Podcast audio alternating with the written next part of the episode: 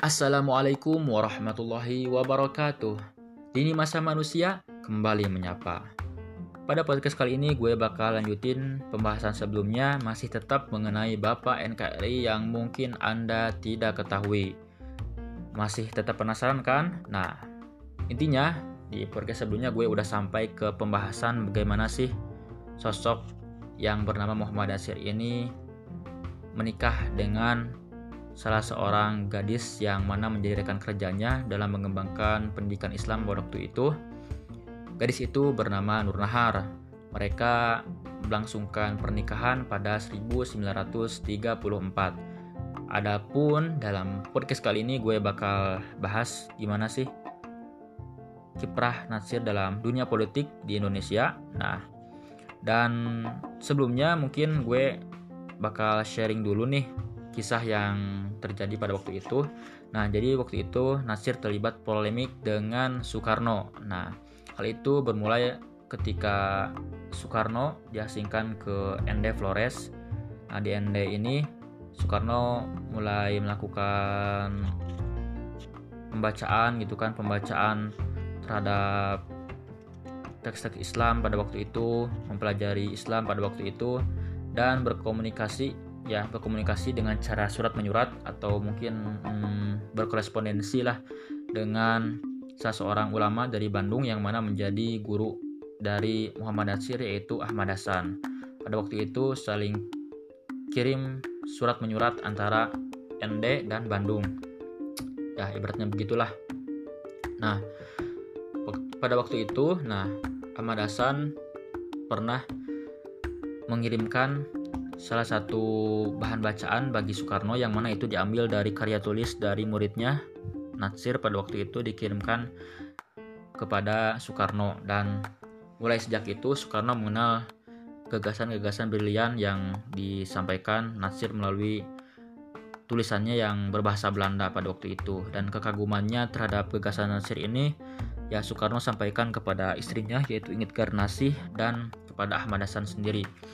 Nah, kelak ya Soekarno ini menjadi orang yang berpolemik dengan sosok yang diapresiasi olehnya. Dan polemik itu terjadi ketika Soekarno dari Endeh dipindahkan ke Bengkulu. Nah, pada waktu itu Soekarno mulai berani untuk mengeluarkan isi kepalanya, kemudian menulis ya mengenai kritiknya terhadap umat Islam khususnya yang ada di Indonesia pada waktu itu yang memang masih mengamalkan tradisi-tradisi yang kuno atau kolot. Beberapa artikelnya seperti Islam Sontoloyo dan masyarakat ontak dan masyarakat kapal udara nah, pada waktu itu. Dan Soekarno pada waktu itu, waktu itu menerbitkan tulisan-tulisannya di di surat kabar Panji Islam. Nah, tentu ini mengundang reaksi yang luar biasa dari golongan Islam pada waktu itu khususnya Natsir. Nah pada waktu itu Natsir merespon eh, tulisan-tulisan Soekarno itu dengan menggunakan nama samaran A Mukhlis. Nah Natsir pun sama yang mengirimkan suratnya kepada bagi Islam pada waktu itu dan terjadi polemik yang cukup hebat. Nah meskipun keduanya terlibat polemik, tapi keduanya masih uh, tetap fair-fair aja gitu kan masih tetap santuy dan bijaksana itu kan ya kita tahulah bahwa mereka inilah sosok yang luar biasa sosok yang berilmu dan cerdas. Nah Nasir ini sebagai sosok yang dididik secara baik ya dari segi agamanya dan juga disekolahkan di sekolah barat. Nah adapun Soekarno yang waktu itu banyak ya banyak mendapatkan sentuhan dari sekolah-sekolah barat mungkin itu yang menjadi perbedaan yang mencolok antara Nasir dan Soekarno. Nah dari situ pokoknya eh, terlibat polemik lah antara Nasir dan Soekarno. Nah, pada waktu itu eh, Nasir masih memegang kendali atas pendidikan Islamnya. Dimulai pada 1930-an sampai 1940-an dan ketika Jepang waktu itu datang penlisnya diberhentikan. Kan tetapi Nasir diangkat sebagai uh, kepala biro pendidikan Kota Media Bandung. Nah, di situ uh, kiprah Nasir dalam dunia pendidikan masih nampak. Nah, dan gimana sih kiprah politik dari Muhammad Nasir ini? Nah, Sebetulnya Nasir ini sudah mulai terlibat dalam dunia politik pada 1930-an dan waktu itu Nasir masuk ke Partai Islam Indonesia. Nah, selain itu Nasir juga aktif di organisasi federasi organisasi Islam pada waktu itu yaitu Majelis Islam A'la Indonesia atau MIAI. Nah, di MIAI ini Nasir aktif dan kelak MIAI ini akan bertransformasi menjadi Majelis Syura Muslim Indonesia atau Masyumi. Nah, kemudian nah pada waktu itu pada menjelang proklamasi kemerdekaan sebetulnya Nasir ini masih menghabiskan banyak waktunya di Bandung dan pasca proklamasi kemerdekaan pada waktu itu Nasir ini secara tidak tidak sengaja menjadi anggota dari Komite Nasional Indonesia Pusat. Nah, mungkin itu sebagai lembaga ya yang membantu pemerintah Indonesia pada waktu waktu itu yang umurnya mungkin baru beberapa hari gitu kan baru beberapa pekan gitu kan nah waktu itu Nasir secara tidak sengaja menjadi anggota KNIP bahkan menjadi badan pekerja KNIP bahkan menjadi wakil ketuanya gitu kan wakil ketua BP KNIP nah nah kemudian setelah itu nah Nasir kemudian dipercaya oleh Kabinet Republik Indonesia yang pertama yaitu Kabinet Syahrir I untuk duduk di kursi Menteri Penerangan.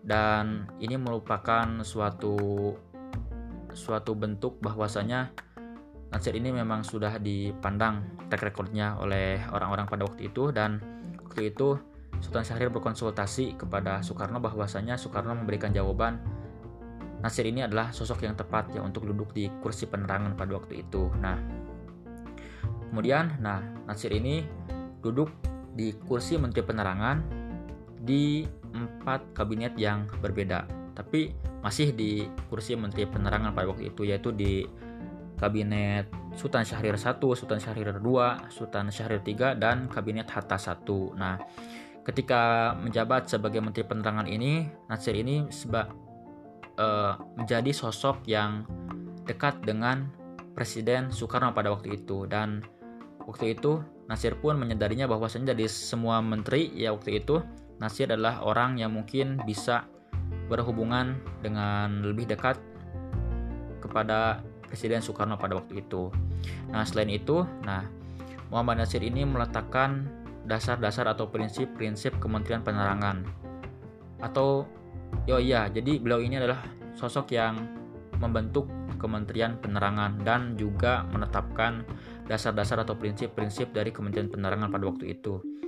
Dan pada waktu itu, nah, ketika terjadi agresi militer yang kedua, Nasir ditahan ya, ditahan oleh Belanda pada waktu itu di Yogyakarta, kemudian sempat dia dipindahkan ke Jakarta bersama Adam Malik. Dan setelah dari Jakarta dipindahkan ke Bangka pada waktu itu. Ya di sana dia pertemukan dengan pemimpin besar lainnya termasuk Soekarno dan Hatta.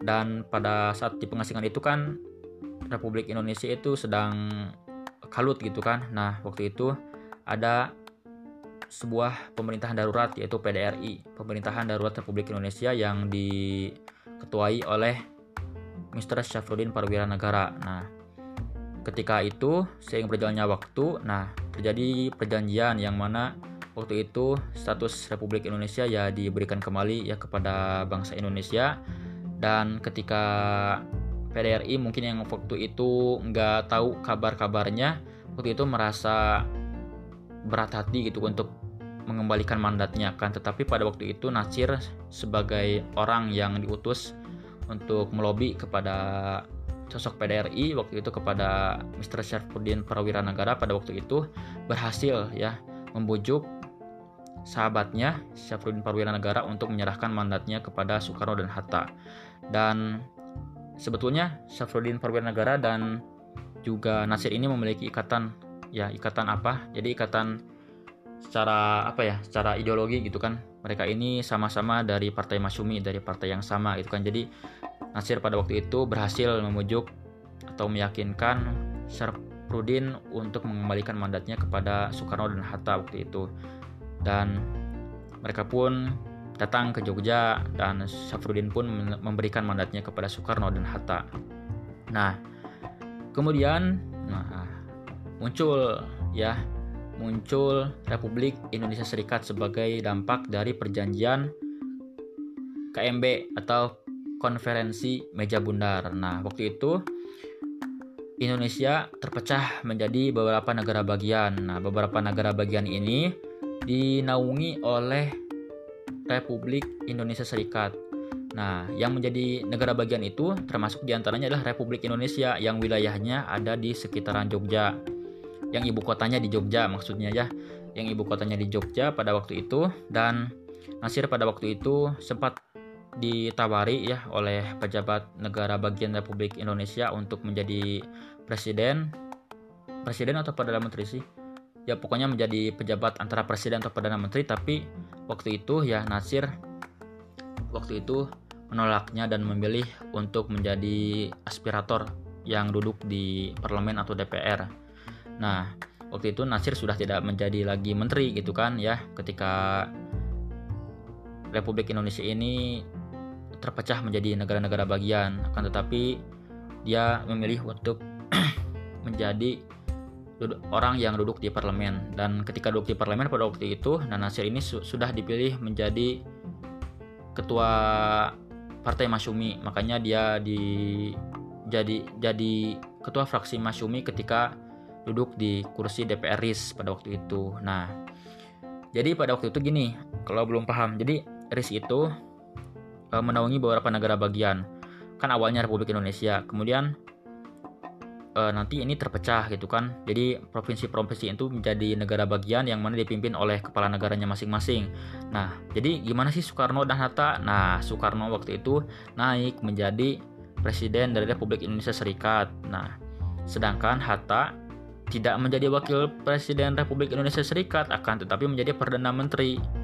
Nah, seperti itu dan waktu itu yang menjadi negara bagiannya adalah Republik Indonesia gitu kan nah ada sekitar 15 atau 16 negara bagian gitu kan termasuk negara Pasundan, negara Sumatera Timur, negara Indonesia Timur dan salah satunya dan salah satunya adalah negara Republik Indonesia yang ibu kotanya Jogja, bukan Jakarta karena Jakarta itu sudah menjadi wilayah negara bagian yang lain. Nah, waktu itu Republik Indonesia, negara bagian Republik Indonesia itu ibu kotanya di Yogyakarta dipimpin oleh Presiden Mr. Asaat dengan Perdana Menteri Dr. Abdul Halim pada waktu itu. Nah, nah kan tetapi pada waktu itu kan Nasir di, sempat ditawari tuh untuk duduk di kursi presiden dan Perdana Menteri negara bagian Republik Indonesia karena nggak mau waktu itu. Tapi Nasir ini berkontribusi dalam uh, memilih atau memilih memilah atau menjadi uh, formatur kabinet negara bagian Republik Indonesia.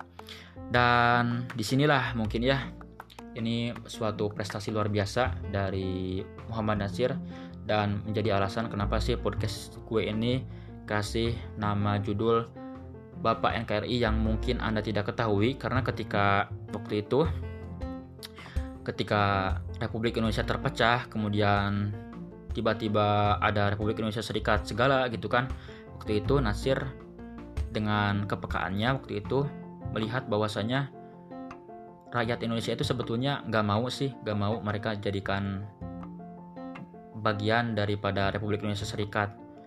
Mereka menganggap bahwasanya Republik Indonesia Serikat itu tidak lain adalah alat ya alat Belanda untuk menjajah kembali Indonesia pada waktu itu yang sudah merdeka pada 17 Agustus 1945 karena uh, Republik Indonesia Serikat ini kan uh, terjadi pada 1949-50-an gitu kan e, berarti ini setelah kurang lebih 4 atau 5 tahun Indonesia telah menyatakan kemerdekaannya gitu kan. Nah waktu itu rakyat di berbagai macam daerah waktu itu menolaknya gitu kan dan melakukan demonstrasi yang mana ini menyebabkan kekacauan.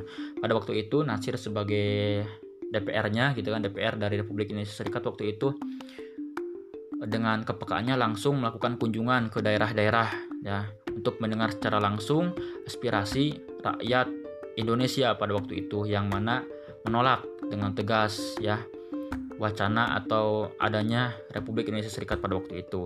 Nah, ini memerlukan waktu yang panjang bagi Nasir untuk berkeliling ke daerah-daerah pada waktu itu. Dan selain melakukan kunjungan, dan Nasir pun melakukan lobby-lobby politik terhadap orang-orang di parlemen pada waktu itu dan dia ini melakukan lobby politik bukan hanya kepada orang-orang yang sepaham atau separtai. Dia melakukan lobby politik dengan orang PNI dengan orang PKI dan lain sebagainya dengan orang sosialis gitu kan waktu itu. Nah mereka itu uh, ada yang menerima ya gitu kan ada yang menerima tapi ada juga yang cukup alot ya. Kan tetapi uh, ujung-ujungnya Nasir ini berhasil untuk melobi mereka. Dan pada 3 April 1950 nah Nasir ini dengan segenap jiwa pikiran yang yakin berpidato di parlemen atau di DPRis pada waktu itu dan ketika berpidato di akhir pidatonya dia menyampaikan suatu mosi yang mana ini dikenal dengan mosi integral Nasir. Jadi mosi itu pada intinya adalah mengajak kembali kepada orang-orang pada waktu itu kepada pemerintah maupun parlemen untuk segera bertindak melakukan suatu perubahan atas situasi waktu itu gitu kan. Karena situasi waktu itu rakyat sedang chaos gitu kan sedang wah ada demonstrasi ada apalah gitu. Jadi Nasir ini dengan bahasa yang halus tidak langsung menyentuh kepada poinnya berhasil meyakinkan audiens pada waktu itu. Dan bahkan masih integral Nasir ini diterima secara aklamasi oleh audiens pada waktu itu. Dan sebagai tindak lanjut dari mosi yang diajukan oleh Nasir ini, pada hari-hari setelahnya waktu itu terjadilah pertemuan antara pemerintah RIS dengan negara bagian Republik Indonesia pada waktu itu. Dan akhirnya dari pertemuan ini disepakatilah bahwasanya negara Kesatuan Republik Indonesia itu akan segera berdiri dan dengan berbagai macam instrumen-instrumen atau poin-poin yang lainnya yang mengikutinya. Nah, itu semua terjadi berkat dari usaha Nasir waktu itu yang luar biasa melakukan kunjungan ke daerah-daerah, kemudian melakukan lobby politik gitu kan di parlemen dan usahanya itu berhasil.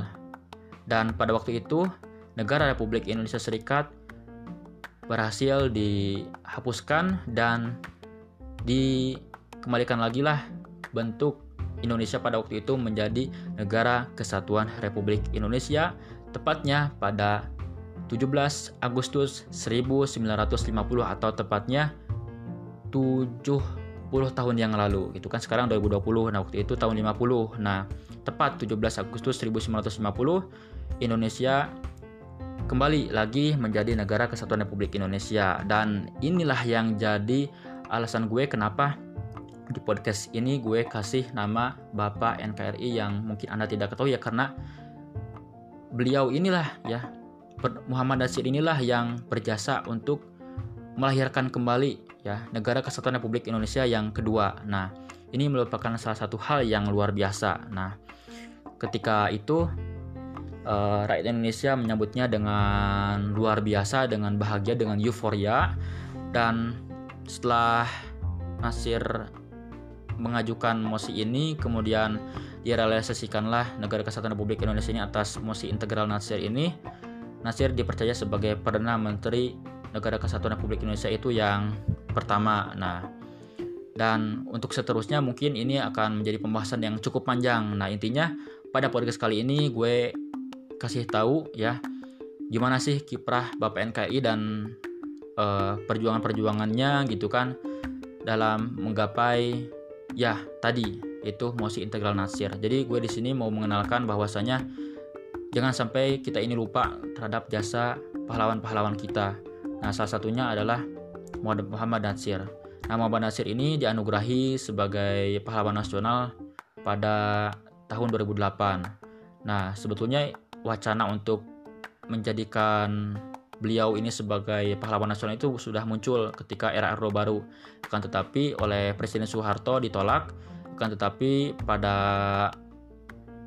uh, periode Presiden Republik Indonesia yang ketiga oleh Baharudin Yusuf Habibie waktu itu Muhammad Nasir ini dianugerahi bintang jasa Republik Indonesia itu kan bintang Republik Indonesia yang mana itu adalah suatu gelar kehormatan bagi Nasir dan Nasir sendiri waktu itu meninggal dunia pada 1993. Nah, jadi itulah mungkin pada podcast kali ini gue kasih informasi kepada teman-teman ini sebagai bahan sharing dari gue kepada teman-teman semua.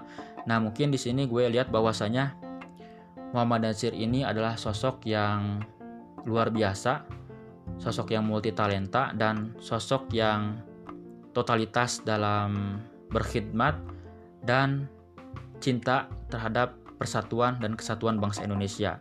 Nah, salah satu buktinya adalah salah satu buktinya, sorry, salah satu buktinya adalah ya itu adalah mosi integralnya Nasir yang mana telah menyatukan eh, negara-negara bagian itu untuk kembali bentuknya terhadap negara kesatuan Republik Indonesia. Dan itu terjadi pada 70 tahun yang lalu pada 17 Agustus 1950 ya. Mungkin itu yang dapat gue sampaikan melalui podcast ini. Sebetulnya kiprah Nasir ini masih panjang dan luar biasa dan tetapi gue rasa ini gak akan cukup untuk dibahas ya dalam waktu yang cukup singkat. Tapi berhubung ini adalah podcast spesial gue di hari kemerdekaan 75 tahun Republik Indonesia Merdeka. Maka inilah yang mungkin gue suguhkan untuk teman-teman semua. Semoga bermanfaat dan tetap jaga kesehatan di rumah. Selamat Dirgahayu Republik Indonesia yang ke-75 tahun ya. Luar biasa Indonesia harus maju ya. Oke demikian. Sekali lagi terima kasih banyak. Semoga bermanfaat wassalamualaikum warahmatullahi wabarakatuh